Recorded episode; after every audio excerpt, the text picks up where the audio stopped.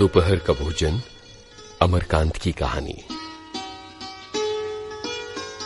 सिद्धेश्वरी ने खाना बनाने के बाद चूल्हे को बुझा दिया और दोनों घुटनों के बीच सिर रखकर शायद पैर की उंगलियाँ या ज़मीन पर चलते चींटे चींटियाँ देखने लगी।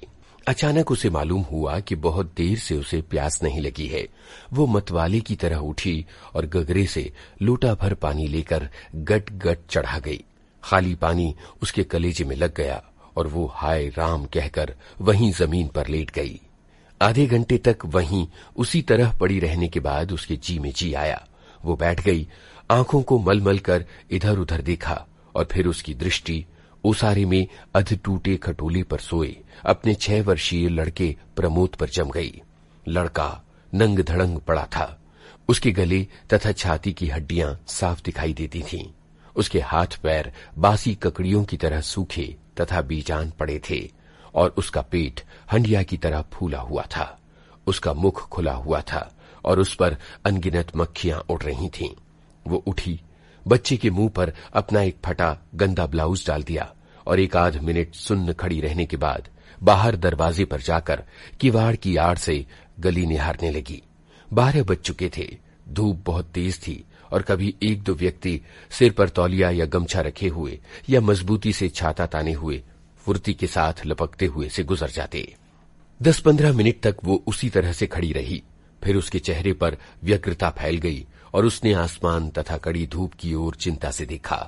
एक दो क्षण बाद उसने सिर को किवाड़ से काफ़ी आगे बढ़ाकर गली के छोर की तरफ़ निहारा तो उसका बड़ा लड़का रामचंद्र धीरे धीरे घर की ओर सरकता नज़र आया। उसने फुर्ती से एक लोटा पानी ओसारे की चौकी के पास नीचे रख दिया और चौके में जाकर खाने के स्थान को जल्दी जल्दी पानी से लीपने पोतने लगी। वहाँ पीढ़ा रखकर उसने सिर को दरवाजे की ओर घुमाया ही था कि रामचंद्र ने अंदर कदम रखा। रामचंद्र अंदर आकर धम से चौकी पर बैठ गया और फिर वहीं बीजान सा लेट गया। उसका मुँह लाल और चढ़ा हुआ था। उसके बाल अस्त व्यस्त थे और उसके फटे पुराने जूतों पर गर्द जमी हुई थी। सिद्धेश्वरी की पहले हिम्मत नहीं हुई कि उसके पास आए, और वहीं से वो भयभीत हिरणी की भांति सिर उचका घुमाकर बेटे को व्यग्रता से निहारती रही। किंतु लगभग दस मिनट बीतने के बाद भी जब रामचंद्र नहीं उठा तो वो घबरा गई। पास जाकर पुकारा, बड़कू, ए बड़कू। लेकिन उसके कुछ उत्तर न देने पर डर गई और लड़के की नाक के पास हाथ रख दिया। सांस ठीक से चल रही थी। फिर सिर पर हाथ रखकर देखा, बुखार नहीं था। हाथ के स्पर्श से रामचंद्र ने आँखें खोली। पहले उसने माँ की ओर सुस्त नज़रों से देखा, फिर झट से उठ बैठा, जूते निकाले और नीचे रखे लूटे के जल से हाथ पैर धोने के बाद वो यंत्र की तरह चौकी पर आ बैठा। सिद्धेश्वरी ने डरते डरते पूछा, खाना तैयार है? यहीं लगा दूँ? रामचंद्र ने उठते हुए प्रश्न किया, बाबूजी खा चुके? सिद्धेश्वरी ने चौकी की ओर भागते हुए उत्तर दिया, आते ही होंगे। रामचंद्र पीढ़े पर बैठ गया। उसकी उम्र लगभग इक्कीस बरस थी। लंबा, दुबला पतला, गोरा रंग बड़ी बड़ी आँखें और होठों पर झुर्रियाँ। वो एक स्थानीय दैनिक समाचार पत्र के दफ्तर में अपनी तबीयत से प्रूफ रीडरी का काम सीखता था। पिछले ही साल उसने इंटर पास किया था।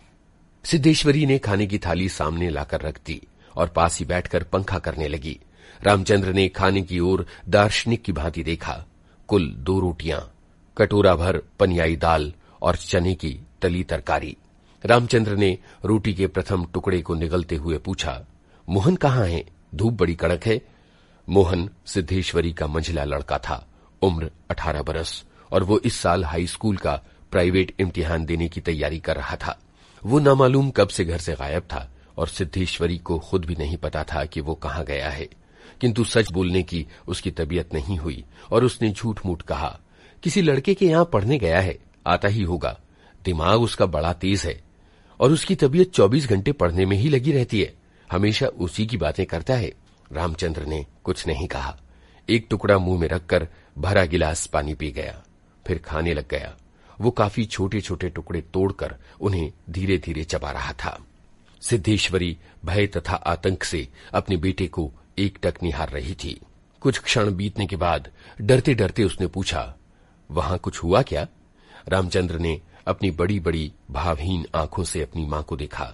फिर नीचा सिर करके कुछ रुखाई से बोला, समय आने पर सब ठीक हो जाएगा। सिद्धेश्वरी चुप रही। धूप और तेज होती जा रही थी। छोटे आँगन के ऊपर आसमान में, बादल में एक दो टुकड़े पाल की नावों की तरह तैर रहे थे। बाहर की गली से गुजरते हुए एक खड़खड़िया इक्के की आवाज़ आ रही थी और खटोले पर सोए बालक की सांस का खर खर शब्द सुनाई दे रहा था। रामचंद्र ने अचानक चुप्पी को भंग करते हुए पूछा, प्रमोद खा चुका? सिद्धेश्वरी ने प्रमोद की ओर देखते हुए उदास स्वर में उत्तर दिया हाँ खा चुका। रोया तो नहीं था? सिद्धेश्वरी फिर झूठ बोल गई, आज तो सचमुच नहीं रोया, वो बड़ा ही होशियार है। कहता था, बड़का भैया के यहाँ जाऊँगा, ऐसा लड़का। पर वो आगे कुछ न बोल सकी, जैसे उसके गले में कुछ अटक गया। कल प्रमोद ने रेवड़ी खाने की जिद पकड़ ली थी और उसके लिए डेढ़ घंटे तक रोने के बाद सोया था। रामचंद्र ने कुछ ऐसे आश्चर्य से अपनी माँ की ओर देखा और फिर सिर नीचा करके कुछ तेज़ी से खाने लगा। थाली में जब रोटी का केवल एक टुकड़ा शेष रह गया तो सिद्धेश्वरी ने उठने का उपक्रम करते हुए पूछा, एक रोटी और लाती हूँ? रामचंद्र हाथ से मना करते हुए हड़बड़ाकर बोला, नहीं नहीं, जरा भी नहीं। मेरा पेट पहले ही भर चुका है। मैं तो ये भी छोड़ने वाला हूँ। सिद्धेश्वरी ने जिद की अच्छा आधी ही ले लो। रामचंद्र बिगड़ उठा। ज़्यादा खिलाकर बीमार करना चाहती हो क्या? तुम लोग जरा भी नहीं सोचते। बस हर वक्त अपनी जिद। भूख रहती तो क्या ले नहीं लेता? सिद्धेश्वरी जहाँ की तहां बैठी ही रह गई। रामचंद्र ने थाली में बचे टुकड़े से हाथ खींच लिया और लोटे की ओर देखते हुए कहा, पानी लाओ। सिद्धेश्वरी लोटा लेकर पानी लेने चली गई। रामचंद्र ने कटोरे को उंगलियों से बजाया, फिर हाथ को थाली में रख दिया।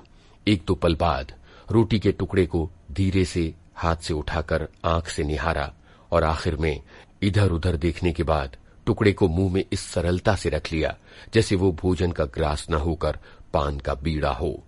मंझला लड़का मोहन आते ही हाथ पैर धोकर पीढ़े पर बैठ गया। वो कुछ सांवला था और उसकी आँखें छोटी थीं। उसके चेहरे पर चेचक के दाग थे। वो अपने भाई की तरह ही दुबला पतला था, लेकिन उतना लंबा नहीं था। वो उम्र की अपेक्षा कहीं अधिक गंभीर और उदास नज़र आ रहा था। सिद्धेश्वरी ने उसके सामने थाली रखते हुए प्रश्न किया, कहाँ रह गए थे बेटा? भैया पूछ रहा था। मोहन ने रोटी के एक बड़े ग्रास को निकलने की कोशिश करते हुए अस्वाभाविक मोटे स्वर में जवाब दिया, कहीं तो नहीं गया था, यहीं पर तो था। सिद्धेश्वरी वहीं बैठकर पंखा डुलाती हुई इस तरह बोली जैसे सपने में बड़बड़ा रही हो। बड़का तुम्हारी बड़ी तारीफ़ कर रहा था। कह रहा था, मोहन बड़ा दिमागी होगा। उसकी तबीयत चौबीसों घंटे पढ़ने में लगी रहती है। ये कहकर उसने अपने मंझले लड़के की तरफ़ इस तरह देखा, जैसे कोई चोरी की हो। मोहन अपनी माँ की ओर देखकर फीकी हँसी हंस पड़ा और फिर खाने में जुट गया। वो परोसी गई दो रोटी, वो परोसी गई दो रोटियों में से एक रोटी, कटोरी की तीन चौथाई दाल और अधिकांश तरकारी साफ़ कर चुका था। सिद्धेश्वरी की समझ में नहीं आया कि वो क्या करे। इन दोनों लड़कों से उसे बहुत डर लगता था। अचानक उसकी आँखें भर गईं और वो दूसरी तरफ़ देखने लगी। थोड़ी देर बाद उसने मोहन की ओर मुँह फेरा तो लड़का लगभग खाना समाप्त कर चुका था। सिद्धेश्वरी ने चौंकते हुए पूछा, एक रोटी देती हूँ? मोहन ने रसोई की ओर रहस्यमय नेत्रों से देखा, फिर सुस्त स्वर में बोला, नहीं चाहिए। सिद्धेश्वरी ने गिड़गिड़ाते हुए बोला, नहीं बेटा, मेरी कसम, थोड़ी ले लो, तुम्हारे भैया ने एक रोटी ली थी। मोहन ने अपनी माँ को गौर से देखा, फिर धीरे धीरे इस तरह उत्तर दिया जैसे कोई शिक्षक अपने शिष्य को समझाता है, नहीं रे, बस, अव्वल तो भूख नहीं है, फिर रोटियाँ तूने ऐसी बनाई हैं कि खाई नहीं जाती, न मालूम कैसी लग रही हैं। खैर, अगर तू चाहती है तो कटोरी में थोड़ी दाल दे दे, दाल बड़ी अच्छी बनी है। सिद्धेश्वरी से कुछ कहते न बना। और उसने कटोरे को दाल से भर दिया। मोहन कटोरे को मुँह लगाकर सुड़ सुड़ पी रहा था कि मुंशी चंद्रिका प्रसाद जूतों को खस खस घसीटते हुए आए और राम का नाम लेकर चौकी पर बैठ गए। सिद्धेश्वरी ने माथे पर साड़ी को कुछ नीचे खिसका लिया और मोहन दाल को एक सांस में पीकर तथा पानी के लोटे को हाथ में लेकर तेज़ी से बाहर चला गया। दो रोटियाँ, कटोरा भर दाल, चने की तली तरकारी मुंशी चंद्रिका प्रसाद पीढ़े पर पालती मारकर बैठे। रोटी के एक एक ग्रास को इस तरह चुभला चबा रहे थे, जैसे बूढ़ी गाय जुगाली करती है। उनकी उम्र पैंतालीस बरस के लगभग थी, किंतु पचास पचपन के लगते थे। शरीर का चमड़ा झूलने लगा था। गंजी खोपड़ी आईने की भांति चमक रही थी। गंदी धोती के ऊपर अपेक्षाकृत कुछ साफ़ बनियान तार तार लटक रही थी। मुंशी जी ने कटोरे को हाथ में लेकर दाल को थोड़ा सुड़कते हुए पूछा, बड़का दिखाई नहीं दे रहा? सिद्धेश्वरी की समझ में नहीं आ रहा था कि उसके दिल में क्या हो गया है, जैसे कुछ काट रहा हो। पंखे को जरा और ज़ोर से घुमाती हुई बोली अभी अभी खाकर काम पर गया है। कह रहा था, कुछ दिनों में नौकरी लग जाएगी। हमेशा बाबूजी बाबूजी किए रहता है। बोला, बाबूजी देवता के समान है। मुंशी जी के चेहरे पर कुछ चमक आई। शर्माते हुए पूछे ऐसा कहता था, बाबूजी देवता समान है, बड़ा पागल है। सिद्धेश्वरी पर जैसे नशा चढ़ गया था, उन्माद की रोगिणी की भांति बड़बड़ाने लगी। पागल नहीं है, बड़ा होशियार है। उस जमाने का कोई महात्मा है, मोहन तो उसकी बड़ी इज़्ज़त करता है। आज कह रहा था कि भैया की शहर में बड़ी इज़्ज़त होती है। पढ़ने लिखने वालों में बड़ा आदर होता है और बड़का तो छोटे भाइयों पर जान देता है। दुनिया में वो सब कुछ सह सकता है, पर ये नहीं देख सकता कि उसके प्रमोद को कुछ हो जाए। मुंशी जी दाल लगे हाथ को चाट रहे थे। उन्होंने सामने के ताक की ओर देखते हुए हंसकर कहा, भड़का का दिमाग तो खैर काफ़ी तेज है। वैसे लड़कपन में नटखट भी था। हमेशा खेल कूद में लगा रहता था। लेकिन ये भी बात थी कि जो सबक मैंने उसे याद करने को दिया, उसे बर्राक रखता था। असल में तो ये तीनों लड़के काफ़ी होशियार हैं। प्रमोद को कम समझती हो क्या? ये कहकर वो अचानक ज़ोर से हंस पड़े। मुंशी जी, डेढ़ रोटी खा चुकने के बाद एक ग्रास से युद्ध कर रहे थे। कठिनाई होने पर एक गिलास पानी चढ़ा गए। फिर खर खर खांस कर खाने लगे। फिर चुप्पी छा गई। दूर से किसी आटे की चक्की की पुक पुक आवाज़ सुनाई दे रही थी, और पास के नीम के पेड़ पर बैठा कोई पंडूक लगातार बोल रहा था। सिद्धेश्वरी की समझ में नहीं आ रहा था कि क्या कहे। वो चाहती थी कि सभी चीज़ें ठीक से पूछ ले, सभी चीज़ें ठीक से जान ले, और दुनिया की हर चीज़ पर पहले की तरह धड़ल्ले से बात करे। पर उसकी हिम्मत नहीं होती थी। उसके दिल में जाने कैसा भय समाया हुआ था। अब मुंशी जी इस तरह चुपचाप दुबके हुए खाना खा रहे थे। जैसे पिछले दो दिनों से मौन व्रत धारण कर रखा हो और उसको कहीं जाकर आज शाम को तोड़ने वाले हों। सिद्धेश्वरी से जैसे रहा नहीं गया। बोली, मालूम होता है अब बारिश नहीं होगी। मुंशी जी ने एक क्षण के लिए इधर उधर देखा। फिर निर्विकार भाव से राय दी, मक्खियाँ बहुत बड़ी हो गई हैं। सिद्धेश्वरी ने उत्सुकता प्रकट की, फूफा जी बीमार हैं, कोई समाचार आया क्या? मुंशी जी ने चने के दानों की ओर इस दिलचस्पी से दृष्टिपात किया, जैसे उनसे बातचीत करने वाले हों। फिर सूचना दी गंगा शरण बाबू की लड़की की शादी तय हो गई, लड़का एमए पास है। सिद्धेश्वरी हठात चुप हो गई। मुंशी जी भी आगे कुछ नहीं बोले, उनका खाना समाप्त हो गया था और वे थाली में बचे खुचे दानों को बंदर की तरह बीन रहे थे। सिद्धेश्वरी ने पूछा, बड़का की कसम, एक रोटी देती हूँ। अभी बहुत सी हैं। मुंशी जी ने पत्नी की ओर अपराधी समान तथा रसोई की ओर कनखी से देखा। तत्पश्चात किसी छठे उस्ताद की भांति बोले, रोटी, रहने दो, काफ़ी पेट भर चुका है। अन्न और नमकीन चीज़ों से तबीयत ऊब भी गई। तुमने व्यर्थ कसम धरा दी। खैर, कसम रखने के लिए ले रहा हूँ। गुड़ का क्या होगा? सिद्धेश्वरी ने बताया, हंडिया में थोड़ा सा गुड़ है। मुंशी जी के निपटने के बाद सिद्धेश्वरी उनकी जूठी थाली लेकर चौके की ज़मीन पर बैठ गई। बटलोई की दाल को कटोरे में उलट दिया, पर वो पूरा नहीं भरा। छिपुली में थोड़ी सी चने की तरकारी बची थी, उसे पास खींच लिया। रोटियों की थाली को भी उसने पास खींच लिया। उसमें केवल एक रोटी बची थी, मोटी भद्दी, और जली उस रोटी को वो जूठी थाली में रखने ही जा रही थी कि अचानक उसका ध्यान उसारे में सोए प्रमोद की ओर आकर्षित हो गया। उसने लड़के को कुछ देर तक एक तक देखा। फिर रोटी को दो बराबर टुकड़ों में बांट लिया। एक टुकड़े को तो अलग रख दिया और दूसरे टुकड़े को अपनी जूठी थाली में रख लिया। इसके बाद एक लोटा पानी लेकर खाने बैठ गई। उसने पहला ग्रास मुँह में रखा और तब न मालूम कहाँ से उसकी आँखों से टप टप आँसू चूने लगे।